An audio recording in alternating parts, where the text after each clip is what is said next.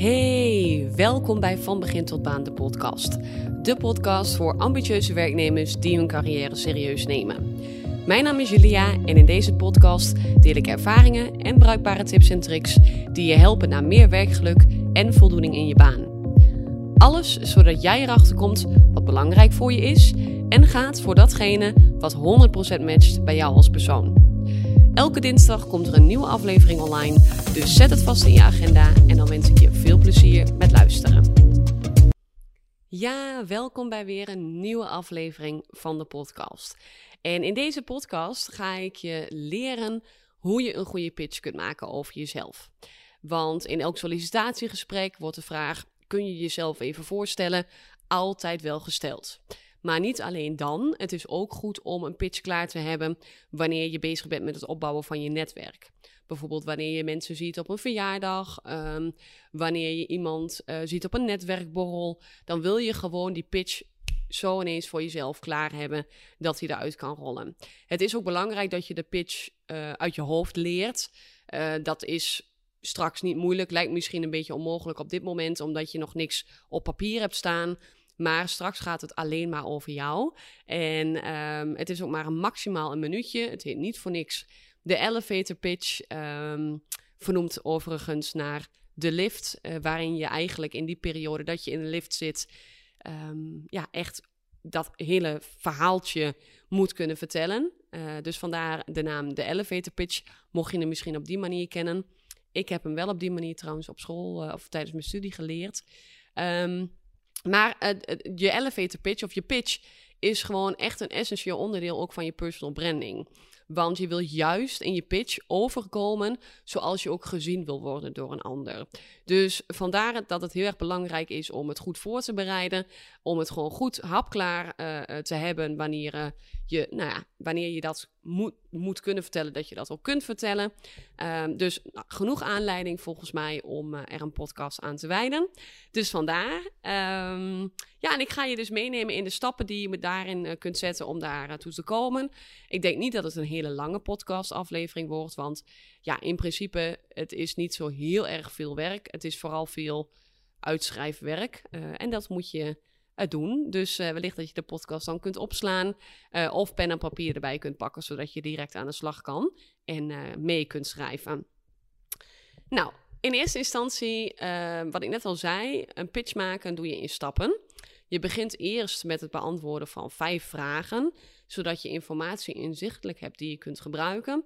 En vervolgens ga je er een goed lopend verhaal van maken.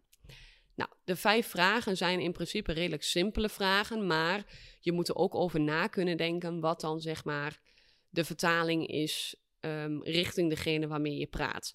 Dus ben je bijvoorbeeld in een sollicitatiegesprek, kun je ook goed je ambities bijvoorbeeld daar wel in meenemen. Um, ben je met iemand uh, in een netwerkgesprek uh, verwikkeld en zou je misschien op zakelijk vlak, uh, bijvoorbeeld op basis van een samenwerking, wat voor elkaar kunnen betekenen, dan is het goed om die ambities of um, de match daarin eventueel te kunnen benoemen. Maar waar je dat in kunt verwerken, ga ik nu met je doornemen. Want ik uh, loop ze stap voor stap even door. De eerste vraag die je kunt uitwerken is de vraag: wie ben je?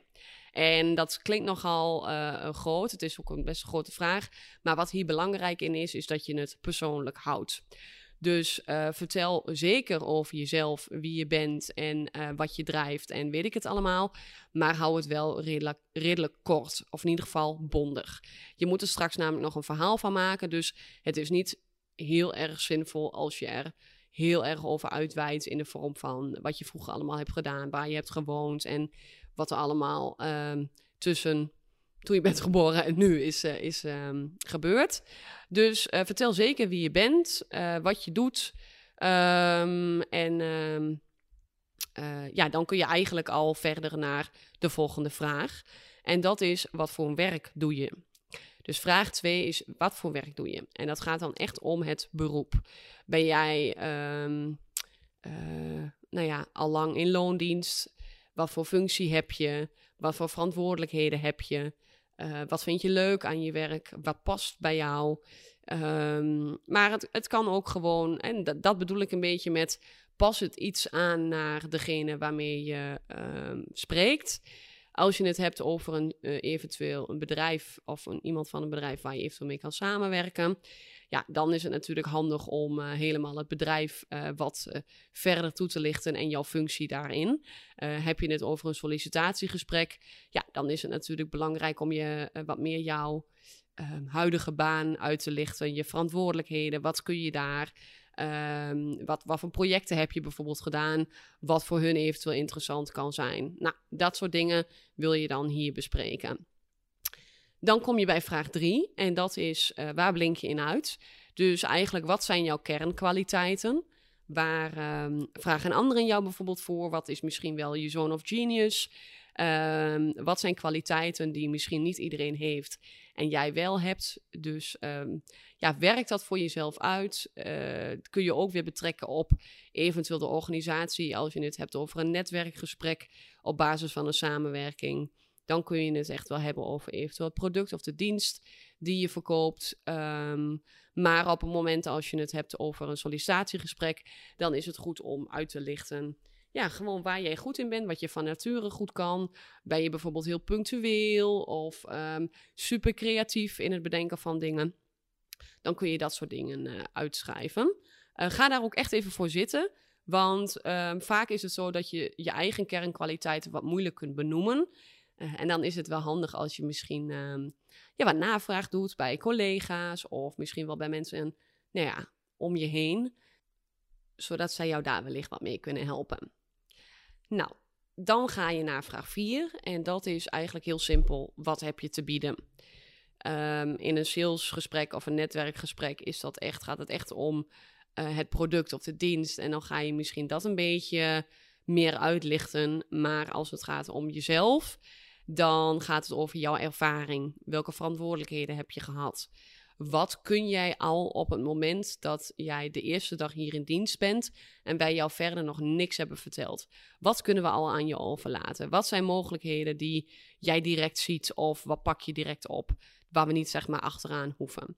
Dat willen bedrijven weten, want ze willen weten uh, niet alleen omdat ze misschien um, in moeten schatten hoeveel begeleiding je nodig hebt, maar ze willen ook weten op het moment als dit de eerste gespreksronde, zeg maar, is. Uiteindelijk wat ze jou waard vinden. Wat voor salaris gaan ze je bieden? Um, welke functiemogelijkheden, doorgroeimogelijkheden zijn er nog voor jou?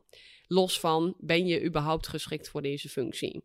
Uh, dus daar wil je ook echt wel tijd aan besteden. Kijken van, wat zijn dan mijn ervaringen?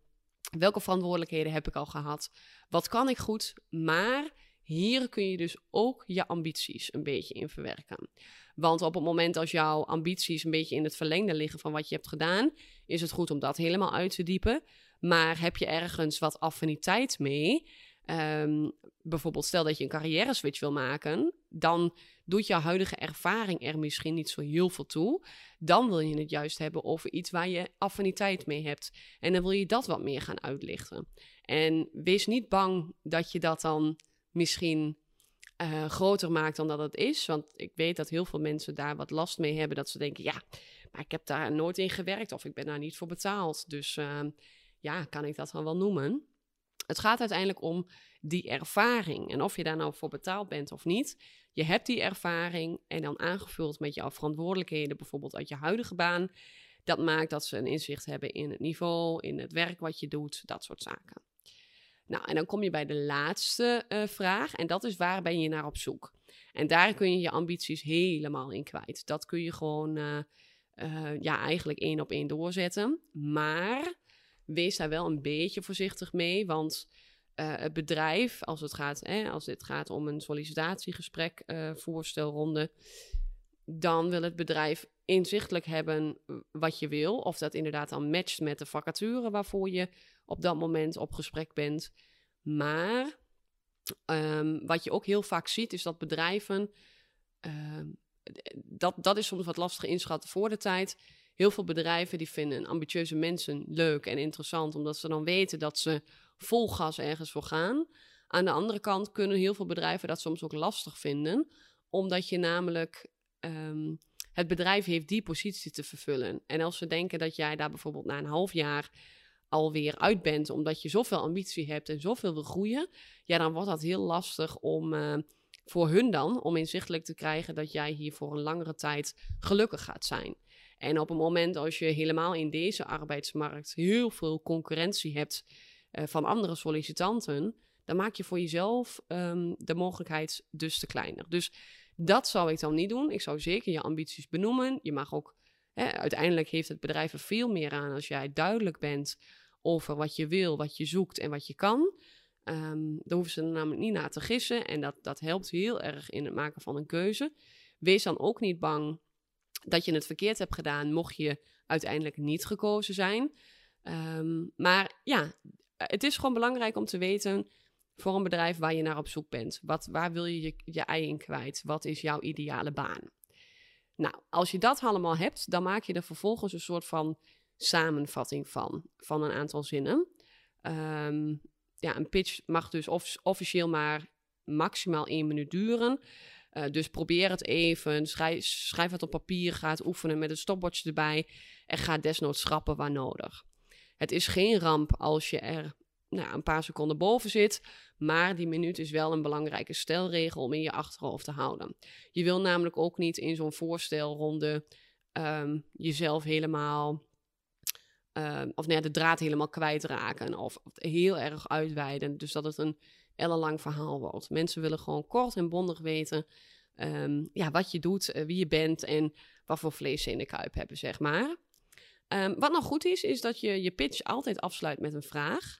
Uh, dan voorkom je sowieso ongemakkelijke stiltes, maar je toont ook direct interesse in een ander. De, ja, ja, in die zin, ga niet vragen of ze zichzelf willen voorstellen. Dat uh, ligt nogal voor de hand. Maar stel dan een inhoudelijke vraag over bijvoorbeeld de baan waar je op dat moment op solliciteert. Of op een moment als jij um, voor een eventuele samenwerking hebt gepitcht. Um, check even of dat iets zou kunnen zijn voor hem. Of, uh, goh, ik zag dat jij ook uh, dit en dit doet. Dat sluit volgens mij wel leuk aan. Kun je daar eens wat meer over vertellen? Dat je het op die manier gelijk weer terugkaatst. Um, op het moment als mensen vragen hebben, stellen ze die toch wel. Dus je hoeft niet um, uiteindelijk af te sluiten met, nou, heb je nog vragen? Um, dat is een beetje zonde misschien. En doe je veel afbreuk aan je eigen pitch. Want op dat moment zeg je eigenlijk dat je verhaal niet duidelijk genoeg was. Nou, altijd afsluiten dus met de vraag. Onthoud die even. Desnoods uh, bedenk wat vragen voor de tijd, zodat je die eruit kunt plukken uit je hoofd op het moment als je dat nodig hebt. Dan uh, sta je nooit met je bek vol tanden, zeg maar. Um, en dan heb je je pitch klaar. Het is even uh, uh, opschrijven, oefenen, kijken wat je erin wil hebben. testen, schrappen, erbij doen. ongeveer maximaal een minuut. En dan ja, kun je jezelf helemaal goed pitchen in je volgende sollicitatiegesprek of in een netwerkgesprek. Dus ik hoop um, dat het je gaat lukken. Heb je er vragen over of onduidelijkheden of wat dan ook, of wil je er überhaupt gewoon even met me over praten? Stuur me rustig even een DM op uh, van begin tot baan. Sowieso leuk uh, als je me daar volgt, mocht je dat nog niet doen. En dan uh, ja, hoor ik je, of nee, hoor je mij uiteraard, weer bij een volgende podcast. Hopelijk tot volgende week. Doei doei! We zijn alweer aan het einde gekomen van de podcast. Je hebt hem helemaal afgeluisterd, dus ik ben heel erg benieuwd wat je ervan vond. Ik zou het waarderen als je me reviewt en abonneert op deze podcast, zodat je geen aflevering mist. Wil je met me kletsen over de podcast? Stuur me dan rustig een DM op Ed van tot Baan. Tot volgende week!